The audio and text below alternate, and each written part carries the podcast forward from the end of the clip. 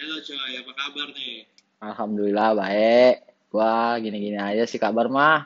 Nggak ada yang berubah. Gimana kabar lu? Oh baik sih, gini ya masih menunggu wisuda sih gua uh, lagi ngurusin urusan kampus. By the way, lu ada apa nih ngundang-undang gua ke rumah lu nih? Gue mau bikin podcast nih coy. Waduh, menarik tuh. Podcast apa nih? Uh, kan setahu gua dulu lu tuh uh, anak santri tuh Ya. di pesantren. Nah, Oke, gua mau nanya-nanya tentang kehidupan lu di pesantren nih. Ya. Gimana di sono sampai kan lu bisa bertahan lama gitu. hmm. Jadi podcast lu buat yang sekarang bahas tentang pesantren nih. Iya. Jadi gini le, gua awal mulai itu gua lulus SD. Nggak tahu kenapa kepikiran gua tuh di kepala gua kayaknya pesantren seru nih. Ya gua terus kebetulan juga kan gua SD itu di sekolah SD Islam ya. Jadi banyak temen gue yang mondok juga yang pesantren. Jadi gua lebih tertarik lagi karena ada temen-temen gue yang mau pesantren juga gitu le. Jadinya gue tertarik. Gue bilang ke nyokap gue, ke bokap gue pada setuju. Ya udah, akhirnya gue ke pesantren sama temen gue juga, nggak sendiri gue. Oh berarti ini eh, lu ke pesantren tuh eh, atas mau asal eh atau mau dari diri lu sendiri kan bukan disuruh orang tua atau gimana? Soalnya sih rata-rata sih paling orang yang disuruh ke pesantren sih paling eh, bilang ah mager gini nggak mau gua kayak gitu males lah kayak soalnya nggak ngerasain hidup kayak di kota lagi katanya sih gitu. Kalau gue yang gue denger denger sih. Bener, bener, bener, bener. Kalau gue sih emang kemauan gue sendiri. Waktu gue ke, masuk pondok, gue nanya temen gue, yang anak-anak pondok yang uh, santri lain juga, gue tanya, lu kenapa dah masuk pondok? Biasa, disuruh orang tua.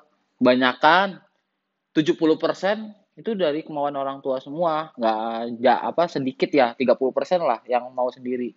Kemauan bener-bener dari hati mau mondok. Hmm, gimana lagi ya? Eh, berarti lu di sana lu eh, kenal orang-orang baru gitu eh, dari macam-macam tempat atau gimana kan lu? Ya, Eh, terus kehidupan lu di sana gimana tuh? Kan lu ketemu lu katanya masih kecil dulu, dulu selalu ikut sama orang tua, ya. terus tiba-tiba lu gabung sama orang yang gak lu kenal dan lu tidak ada pengawasan sama orang tua tuh gimana tuh? Ya, for your information, gua pesantren itu lulus SD ya, jadi SMP sekitar umur berapa ya? SMP itu 12 ya, 12 atau 13 sih? lupa sih gua. Ya, antara itulah ya 12 13. Nah, ya sama aja sih sebenarnya kayak sekolah-sekolah negeri swasta pada umumnya. Kayak lu kan pasti waktu awal masuk SMP juga beradaptasi sama teman baru kan? Ya hampir sama kalau jadi tapi bedanya gue juga beradaptasi sama tempat wilayah gitu sih. Jadi ya emang adaptasinya itu lebih lebih besar daripada yang sekolah-sekolah di negeri swasta biasa kayak gitu. gue mau tahu, eh gue mau nanya nih, lo tuh eh, pesantren di daerah mana sih? Gua di daerah Lebak, Lebak Banten. Hmm, ya, terus lo kenapa eh, ngambil di sono kan ada juga pesantren yang di daerah Gontor misalkan tuh di pesantren Gontor, terus kayak Darussalam atau mana lagi gitu, kenapa lo maunya di sono nggak yang lain gitu? Gua sebelum mondok itu juga udah survei, Le. Survei dulu, Le. Kayak gue yang di Tangerang pernah tuh yang di daerah kolam. Tempatnya panas banget ya, namanya Tangerang, you know lah ya, panasnya. Gua sempet tes juga di Adarko. Gue gue juga ke Gontor, tapi gue mikir Gontor tuh jauh banget, Jawa Timur, cok. Gila lu. Wah, parah sih kalau di Gontor gua jauhan. Kasihan orang tua guanya kalau mau jenguk kan butuh biaya juga buat ke sana. Gue milih di Banten itu kenapa? Nama pondok gue itu Latansa. Ketika ma- survei ke sana tuh tempatnya enak banget sih, asli. Masih asri itu, masih alam banget. Kayak di pondok gue tuh kayak di kaki gunung. Jadi masih di bukit, daerah bukit. Jadi hawanya tuh enak aja. Itu.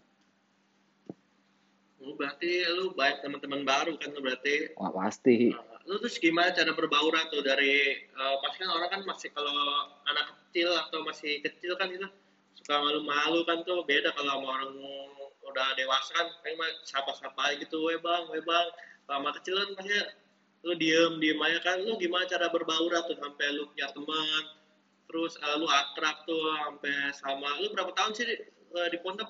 Gua enam tahun di pondok dari SMP sampai SMA ya cara gue berbaur ketika gue masuk pertama kali itu ya teman terdekat gue ya teman kamar gue doang kalau sama kamar yang lain tuh gue juga belum begitu dekat awal-awal masuk jadi gue masih akrabnya itu jadi kalau di pondok gue itu kamarnya itu eh, uh, 30 orang.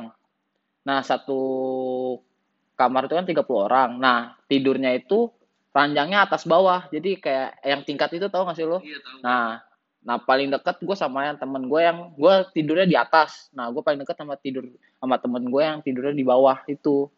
Itu yang paling gue deket. Maksudnya, sampai sekarang gue masih deket. Karena itu apa ya? Maksudnya teman pertama lu lah. Masa iya lu bakal lupa gitu kan nggak mungkin gitu itu yang paling gue ingat sih iya soalnya di pesantren gitu uh, lu sekolah bareng tidur tempatnya uh, ruangannya sama pasti lu bakal ketemu terus kan? Makan juga paling uh, ketemu juga. Gue enam tahun ketemu orangnya itu tuh doang le. Itu itu doang. Sampai enam tahun gue kayak gue mau tidur ketemu dia lagi. Gue mau makan ketemu dia lagi. Gue mau mandi ketemu dia lagi. Begitu aja kehidupan gue nggak tahu kenapa ya gue kok betah-betah aja gitu loh. Emang bego gue ya? Iya sih kayak sih terus uh, apa nih gue pindahin deh apa yang lu senengin dari uh, teman-teman lu pasti pesantren? Itu apa tuh? Maksudnya yang gue senengin dari temen gue iya supaya lu kan jatuhnya betah kebiasaan orang kan dari SD ke SMP uh, pasti kan dia pas mau ke SMA pasti dia pindah. Lu kenapa tuh uh, apa yang lu bisa lu buat betah gara temen lu itu tuh? Ya karena teman-teman gue selalu support saling selalu saling support ya. Ben, apa jadi angkatan kalau di pondok itu mainnya angkatan ya. Jadi setiap angkatan itu benar-benar mainnya senioritas kayak gimana ya kayak polisi lah main senioritas gitu. Jadi setiap angkatan gue tuh bener-bener ngebaur semua. Jadi ada ketua angkatan ketua angkatan gue tuh selalu support teman-temannya. Jangan sampai nggak betah jadi dia bener-bener gimana ya? Fair lah sama teman-temannya. Gimana caranya? Ketua angkatan si ketua angkatan gue ini ngebuat anggota anak angkatannya itu betah gitu. Jadi ya gue juga ngerasa wah enak lah kayak gini. Temen gue juga selalu support gue kok. Gue mau ini selalu support. Itu yang bikin gue betah. Nah, kan lu tadi bilang main angkatan nih. Berarti ada lah gitu kenakalan-kenakalan yang pasti kan angkatan kan ternyata kan nggak semua orang itu di situ baik gitu. Pasti ada lah uh, kenakalan yang apa yang kecil apa yang besar. Yang pernah lu lakuin pak kenakalan yang kecil-kecil dari kecil-kecil dulu ya Ngapain sih? Nakal ya. Ngomongin nakal, gua waktu awal masuk nih, gua belum berani nakal ya wajar lah ya karena anak baru gitu kan pasti masih taat lah masih disiplin sama waktu masih segala macam pasti masih disiplin awal-awal waktu gua kelas 2 SMP udah setahun gua di pondok tuh baru gua mulai nakal. Kayak gua uh, ngebetak makanan temen gua gua ngerokok gua ngerokok di kelas 2 SMP terus gua paling sering nih ya yang paling gua sering lakuin nakal ya itu madol sholat le ternyata tadi uh, gua lupa nih nanya nih tentang main, uh, main angkatan. Lu pernah nggak sih kayak disuruh-suruh sama kakak kelas lu? Wah itu sering le. Wah parah. Wah parah dah pokoknya.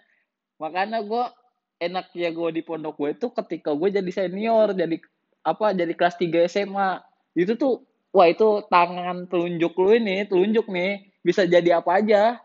Lu tinggal panggil nih pakai telunjuk panggil junior lu. Stay ambilin air dong. Lu telunjuk lu jadi air ya kan? Sakit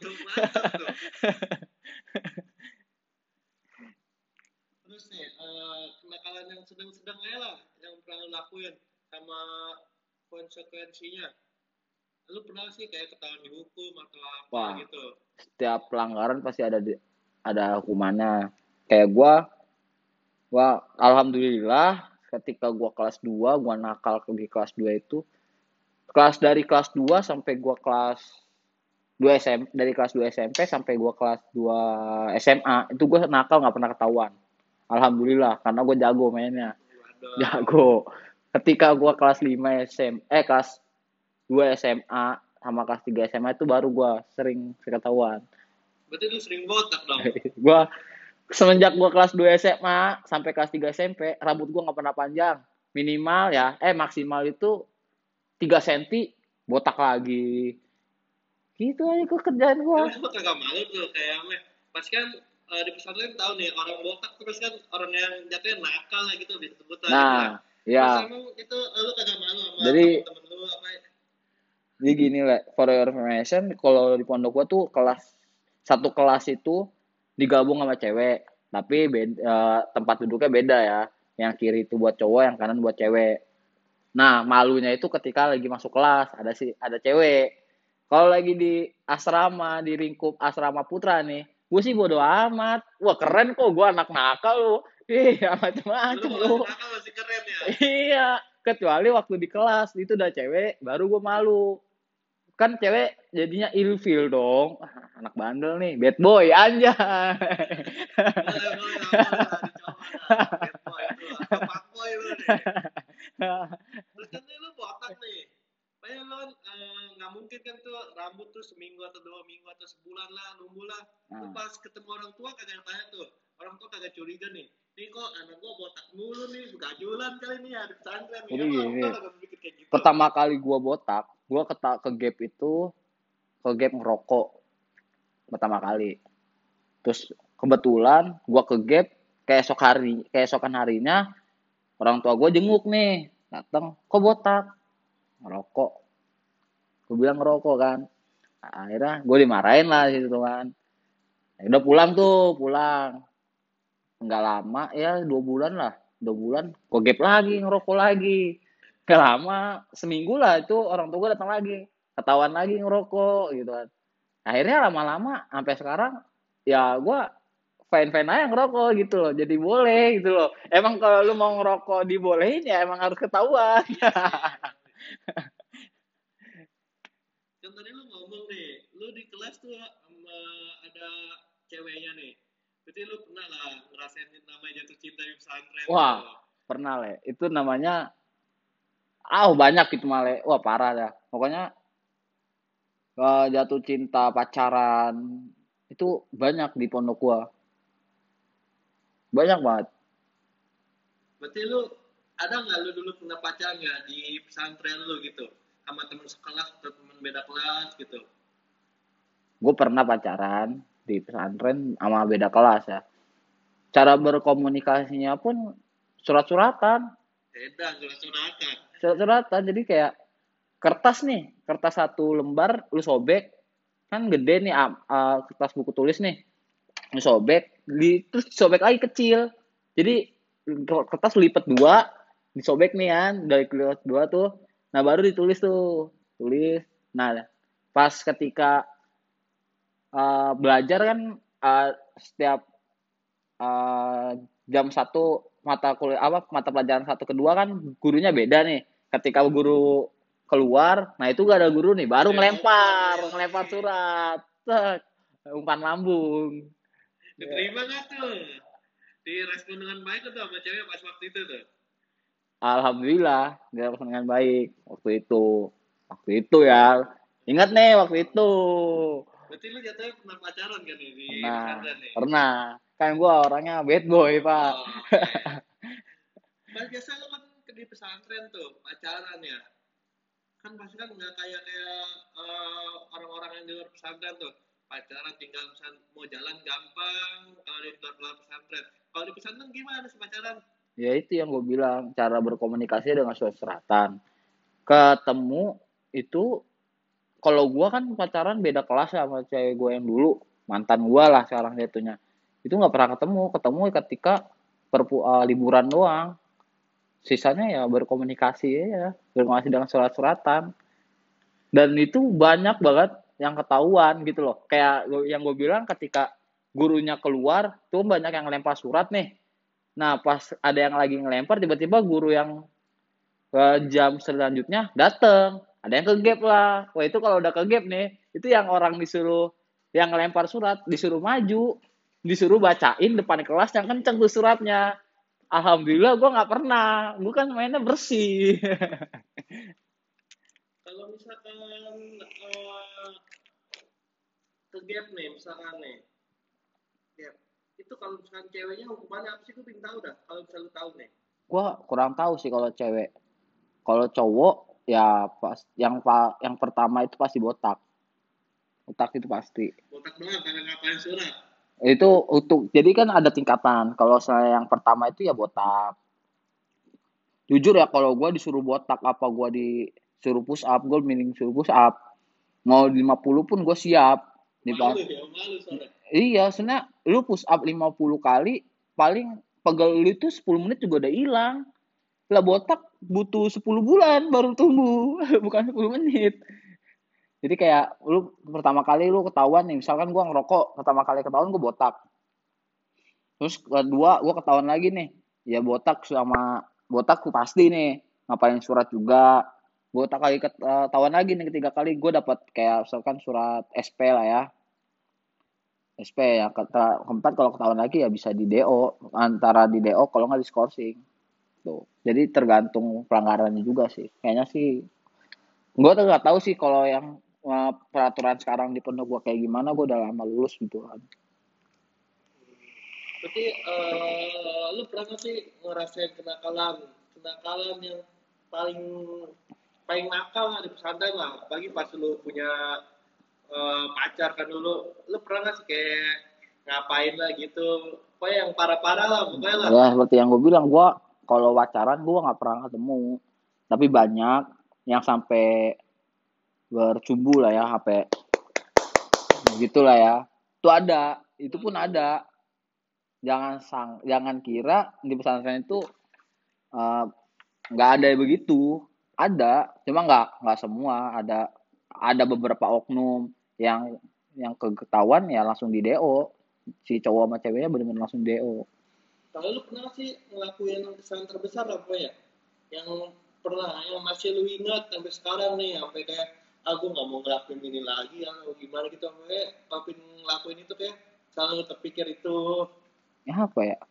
Nggak ada sih. Kalau yang gue paling gue inget itu paling ketika gue kelas 2 SMP atau 3 SMP yang gue cabut gue kabur dari pondok itu yang paling gue inget jadi kan belakang pondok gue tuh ada kayak sungai lah ya kali itu nah dulu itu uh, pak belum ditutup pak. Kalinya tuh ada celah buat buat berenang di situ.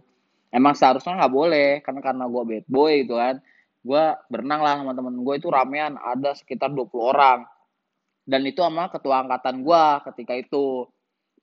Nah gue izin dong sama ketua angkatan gue uh, gue mau cabut gitu kan gue mau kabur. Nah kata kata ke berapa orang yang mau kabur 10 orang. Buset. Kata, kata, kata angkatan gue udah bingung. Terus dia dia bilang udah tiga orang aja jangan banyak banyak cuma pada maksa yang mau kabur tuh 10 orang tetap ya udah akhirnya cabut semua 10 orang. Akhirnya gue cabut itu ke Bogor. Dari Banten ke ke Lebak dari Lebak Banten itu gue ke Bogor. Gue bener-bener ngeteng. Bukan ngeteng sih gue nge BM nge BM nge BM pick up. Uh, terus pas pulang itu pulang dari Bogor mau ke Pondok ya lewat ya, jalurnya sama lewat kali gitu kan. Ya pas ke pondok ketemu satpam satpam pondok gua. Itu dikejar gua lari sekenceng-kencengnya itu kan. Akhirnya dari 10 orang itu tujuh orang ketahuan botak semua. Gua tiga orang gak ketahuan sesuai sama perkataan si ketua angkatan gua ketua angkatan gua kan waktu gua mau izin cabut gua kabur itu katanya tiga orang aja jangan banyak banyak. Nah yang nggak ketahuan malah tiga. Oke oke. Kayak bener-bener diri di diizinin sama ketua angkatan gue tiga orang ya tiga orang yang nggak ketahuan. Emang seharusnya gue yang cabut kita teman gue tuh nggak boleh. Kan udah bego ya woy. itu sih yang paling gue parah uh, kalau gue sih tapi teman-teman gue banyak. Kayak kayak kabur itu kayak bukan uh, kenakalan besar. Kalau menurut gue sih itu udah kenakalan besar ya kabur dari pondok itu. Temen gue banyak yang sering kabur malah. Kayak gue ya gue walaupun gue bad boy juga kenakalan gue nggak separah parah banget. Kalau gue nakal banget mah gue udah di do kali iya coursing gue masih mikir orang tua gue cu. Itu sih kayak masalah kayak yang bercumbu itu banyak sebenarnya. Kayak ada cerita kakak kelas gue ya dulu. Kakak kakak gue kelas dulu uh, ini. Dia itu saudara ustadz jadi saudara dia itu ustadz di situ lah ya. Dia punya uh, saudaranya itu punya rumah di situ. Ketika itu uh, jadi saudaranya itu ustadz itu di hidup uh, rumahnya di lingkup asrama putri Nah, si kakak kelas gue itu tahu si saudara si ustadz itu mau pergi tiga hari, empat hari gitu pergi. Akhirnya dia punya pacar kan si kakak kelas gue ini cowok kelasnya kakak kelas gue cowok punya pacar. Akhirnya ke rumah saudaranya ke rumah saudara ustadz itu sama pacarnya. Ya sobat ngenskui di situ.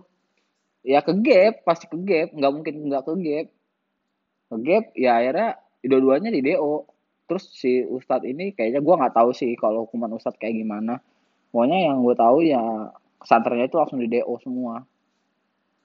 Terus ada lagi cowok nekat sih dia benar-benar nekat. Kayak kan nggak boleh ya si putra ini datang ke asrama putri. Jadi dia nyamar jadi cewek le pakai kerudung iya pakai kerudung. Dateng ada yang maling BH maling kancut ya buat ya gue nggak tahu lah ya gue gue nggak senekat itu orangnya coy. Temen lu gila kali itu. Alhamdulillah kalau angkatan gue nggak ada yang oh, begitu. Kakak kelas gue, ada kelas gue banyak. Kalau angkatan gue nggak ada yang senekat itu sih, karena selalu di apa selalu di nama ketua angkatan gue tuh selalu dilarang. Tapi ketua angkatan gue tuh bener-bener tegas orangnya. Jadi gitu. Jadi banyak lah. Kalau jangan sang jangan jangan kira tuh pesantren tuh bersih. Enggak cu. Enggak. Sama sebenarnya. Gue nggak tahu sih ya kalau pesantren pesantren lain ya jangan bandingin pesantren gue sama yang lain. Kalau pesantren gue yang gue alamin ya begitu. Gue tuh hidup kayak bukan di pesantren. Gue kayak ngekos sumpah gue ngerokok di kamar. Santuy doang dengan santuy. Ya madol sholat gampang. Enggak tapi nggak tahu ya kalau peraturan sekarang tuh kayak gimana. Kalau dulu sih gampang. Gampang banget. Oh nih terakhir nih boy. Gue mau nanya nih. Kan udah lama lulus nih. Diamnya dari pesantren ya sekitar sampai lima tahunan lah kayaknya. Hmm. uh, lu masih sering gak sih ketemu sama teman-teman pesantren masih sering sih lu kayak main bareng sama teman lu yang di pesantren itu? Kan soalnya lu masalahnya lu hidup bareng tuh selama enam tahun di sono. Nggak masa nggak mungkin kayak ada ah gue pernah ini nih main sama ini pasti kayak seru nih kayak dulu lagi nih. Pasti nggak pernah kepikiran kayak gitu. Ya gue kepikiran kayak gitu. Ya kayak kayak sekarang makan udah gue udah pada gede semuanya udah umurnya udah umur udah umur kerja semua ya kan. Jadi kayak buat nyesuaiin waktunya itu buat ketemu tuh udah susah satu. Waktu dulu waktu gua baru lulus dari pondok ya sekitar satu tahun dua tahun waktu masih banyak lenggang waktu lenggangnya itu sering ketemu sering banget. Kalau sekarang ya udah susah namanya kayak kayak lu aja sih sama teman-teman lu juga waktu SMA udah susah banget kan gua ketemu. Karena udah waktunya udah pada sibuk udah pada kerja ya gitulah. Ya kayak kalau emang ada waktu buat ketemu ya gue pengen pengen banget. Asal ada waktunya. Kalau nggak ada waktunya emang belum bisa ya mau dikata apa? Gitulah ya begitulah pokoknya lah. Jadi lu nih kangen nih sama teman-teman lu Iya. eh pesantren lu nih. Ya gimana nggak kangen ya gue hidup selama enam tahun ketemunya itu lagi. Mau makan ya ketemu dia. Pokoknya ya gitulah.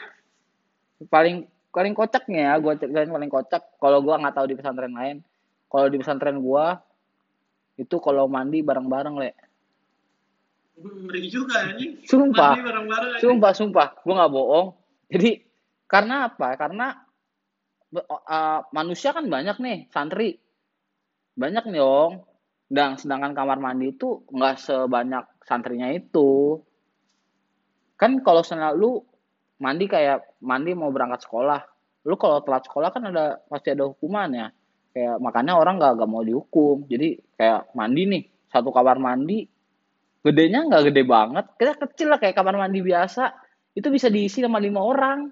Mandi bareng. Apalagi kalau ada yang boker. Jadi ada yang boker ada yang mandi lu. Maunya gimana itu? Dapat cara apaan? ya itu paling paling kocak pengalaman yang gua nggak bakal temuin di luar ya itu doang. Mandi bareng-bareng. Jadi itu kayak gua sama teman-teman gua tuh kayak udah nggak nggak mau nutup aib lagi. Kayak udah tahu semua aib. Itu loh.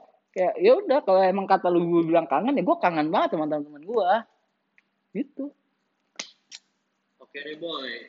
udah. Udah nih kita udah banyak-banyak ngobrol nih. Kita akhirin aja lah. Juga asem nih mau ngerokok nih. oke nih. siap siap ya siap makasih nih boy Thank you bro. ya Ya, kali ketemu datang lagi lah. ya Kita bikin-bikin podcast apa gitu lah. Ya.